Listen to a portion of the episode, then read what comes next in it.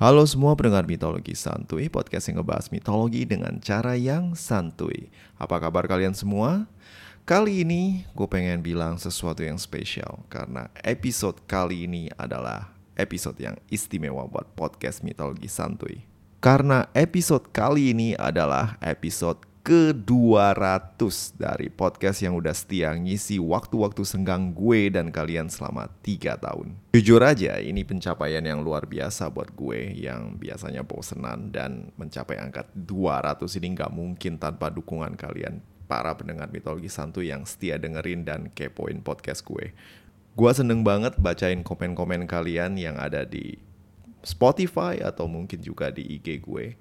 Jadi Jangan ragu-ragu kalau kalian pengen nanya apa pun atau mungkin mau komenin apa pun. Saran dan kritik juga boleh, gue akan selalu terima.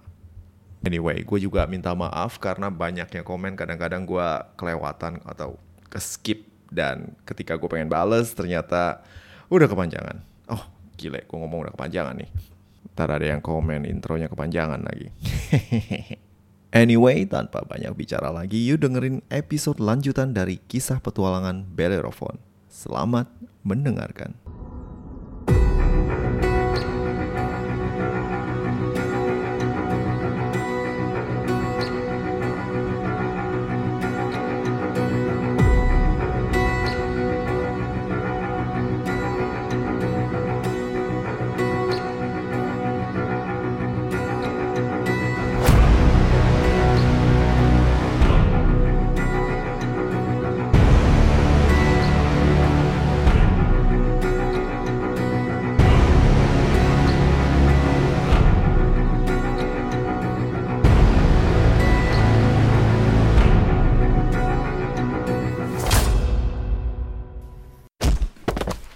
Yang mulia Raja Iobates, ini adalah kepala singa, kambing, dan ekor ular dari Kimera. Sorry, agak sedikit kosong. Iobates terkejut melihat bagaimana pemuda gagah yang tengah bersujud di hadapannya telah kembali dari misi bunuh diri yang diutusnya. Sejak pertama, Iobates tak pernah berharap Bellerophon akan kembali dan berhasil membunuh Kimera. Ia mengutus Bellerophon hanya karena ingin membalaskan perbuatan hina dari Bellerophon kepada putri sulungnya, Mawar, yang hampir digagahi olehnya. Tanpa diduga, Bellerophon berhasil mengalahkan Chimera, si monster yang telah mengobrak-ngabrik kerajaannya. Suatu berkah di balik petaka. Tapi tentu saja Iobates tak semudah itu melupakan pelecehan nista Bellerophon terhadap putrinya. Lagian ini kan cuma ngebantai monster level Chimera yang udah ngebakar setengah kerajaannya jadi areng buat manggang sate. Ah, perkara kecil itu. Bellerophon masih harus dikerjain. Lagian dia kan ke sini buat nebus dosa. Sesuai aturan ya dia emang mesti ngerjain apa yang gue bilang kan. Demikian pikiran picik Iobates bersabda. Selamat pahlawan muda, selamat. Kau sudah berhasil membunuh Kimera. Luar biasa. Nah, kau harus cerita panjang lebar soal pertempuran epikmu. Mari kita berpesta!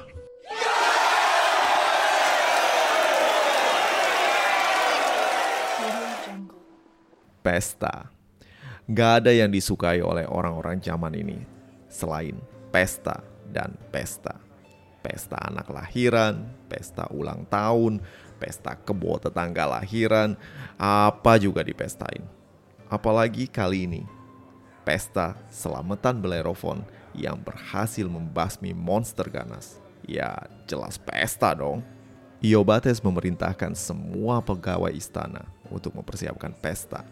Dan dalam hitungan jam, Bellerophon telah duduk di samping sang raja sambil bercerita tentang petualangannya dengan Pegasus. Iobates pura-pura tertarik mendengarkan.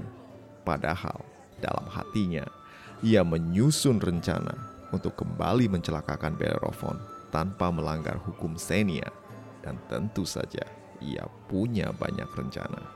Walau Iobates hanya pura-pura tertarik mendengarkan cerita Bellerophon, di perjamuan tersebut ada seseorang yang mendengarkan dengan antusias dan penuh perhatian. Ialah Philonoe, adik dari Stenoboya alias Mawar yang diam-diam tertarik dengan sosok pahlawan yang tampan dan pemberani ini. Matanya tak berhenti menatap Bellerophon yang juga terkadang mencuri pandang sang putri Biobates yang cantik rupawan tersebut. Dan ketika tatapan kedua insan ini bertemu, panah Cupid pun beraksi. Bellerophon melupakan kegalauannya dan seketika merasakan jantungnya berdebar-debar ala orang habis minum Americano dua shots. Melihat bagaimana Philonoe menatapnya dengan penuh cinta, Bellerophon pun mengedipkan sebelah mata dan Philonoe merah merona. Oh God, so cringe. Who wrote this script? Bellerophon. Bellerophon. Woi, Sorry Baginda. Um, sampai mana tadi? Uh, jadi jadi waktu itu Kimera tuh keselak kan dan dan mati. Lalu aku sembelih kepalanya dan begitulah jadilah oleh-oleh buat Baginda. Ah, keren keren. Uh, by the way, Kimera udah nggak ada, tapi ada masalah baru dateng nih. Ah, emang susah jadi raja di zaman penuh bencana kayak gini.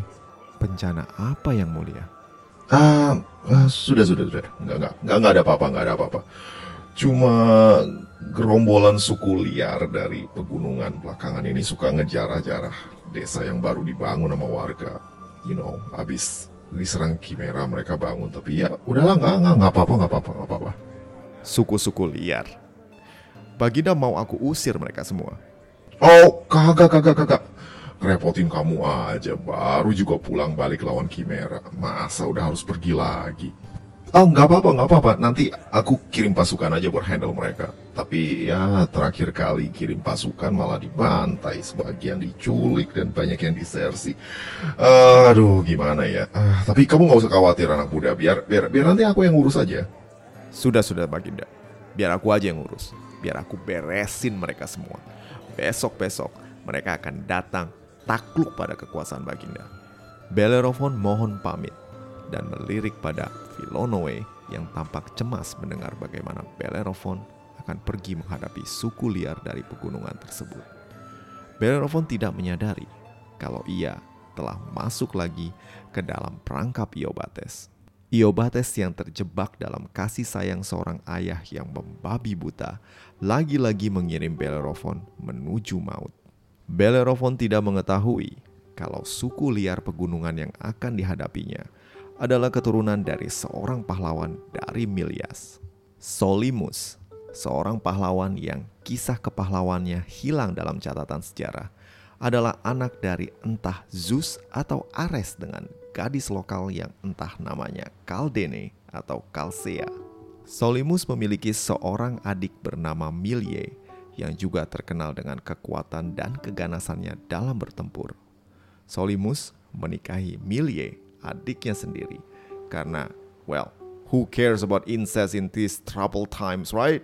Dan hubungan keduanya melahirkan banyak putra dan putri yang kemudian berkembang menjadi suku Solimi sesuai dengan nama leluhur mereka.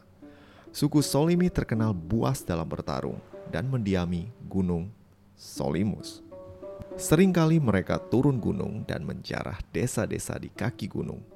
Namun, belakangan ini serangan mereka menjadi semakin sering.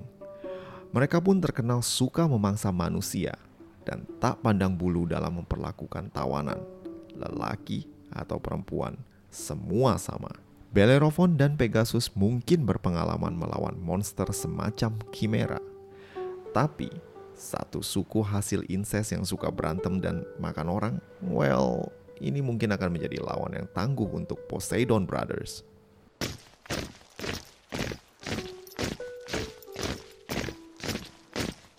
Beberapa hari kemudian, 70 orang dengan pakaian kulit dan senjata berbaris menuju gerbang kota Santos. Para prajurit Santos mengamati dengan kebingungan akan pemandangan tak lazim yang ada di hadapan mereka. Mereka kan kepala kepala suku Solimi. Apa yang mereka lakukan di sini? Apakah mereka mau berperang?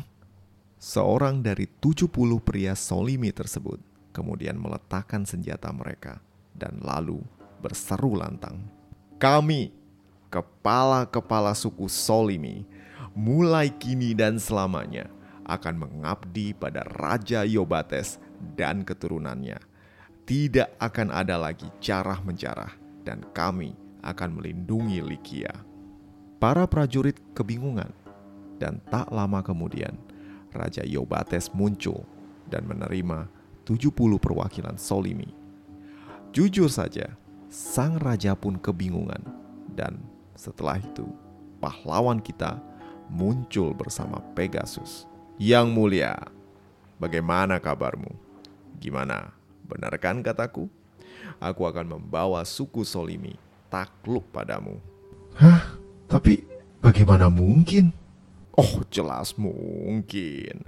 Apa sih yang gak mungkin buat Bellerophon? Jawab Bellerophon sambil mengedipkan mata pada Filonoe. Apakah yang sebenarnya terjadi beberapa hari yang lalu usai Bellerophon pamitan untuk menghadapi suku Solimi? Well, Bellerophon dan Pegasus pergi ke Gunung Solimus untuk menghadapi suku Solimi. Namun ketika sampai di perkampungan mereka, Bellerophon menghadapi lawan tidak seperti yang digambarkan oleh Philonoe yang memberitahukan Bellerophon tentang keganasan mereka lewat surat. Perkampungan mereka tampak berantakan dengan rumah-rumah mereka dan ternak terbakar. Ladang dan sawah mereka rusak dan banyak dari para penduduk tampak kurus dan sayu. Bellerophon pun kemudian mengerti. Suku-suku Solimi yang ganas tersebut juga terpengaruh amuk Kimera banyak penduduk usia muda yang gugur karena bertempur melawan Kimera, dan yang tersisa dari mereka sering turun gunung untuk mencari makanan demi keluarga mereka. Tak heran kalau mereka turun ke desa-desa dan menjarah mereka. Bellerophon pun tersentuh. Tak mungkin rasanya membantai suku-suku yang kelaparan ini. Ia pun memberikan saran kepada mereka untuk mengabdi pada Raja Iobates yang kini tengah membutuhkan prajurit-prajurit tangguh untuk memperkuat pasukannya. Bellerophon pun menjamin kalau Iobates tak akan menghukum mereka karena telah menjarah penduduk-penduduk desa. Kepala Pegasus jaminannya. Eh, enak aja pala gua. Sorry, kepala Bellerophon jaminannya. Mendengar penjelasan Bellerophon, Iobates pun mengangguk-ngangguk. Tentu saja, Ide Bellerophon membawa suku Solimi untuk menyerah dan bergabung dengannya adalah ide brilian. Lawan yang mestinya bisa merenggut nyawa Bellerophon malah takluk oleh kemampuan diplomasinya. Luar biasa, secercah kekaguman muncul dari hati Yobates, namun kembali kabut dendam memadamkan kekaguman tersebut. Hebat. Kau sungguh hebat, Bellerophon. Tapi... Uh, ada bahaya lain lagi. Hah? Apalagi? Para Amazons. Mereka telah bersiap menyerang dari Phrygia. Yang mulia, maaf-maaf nih ya.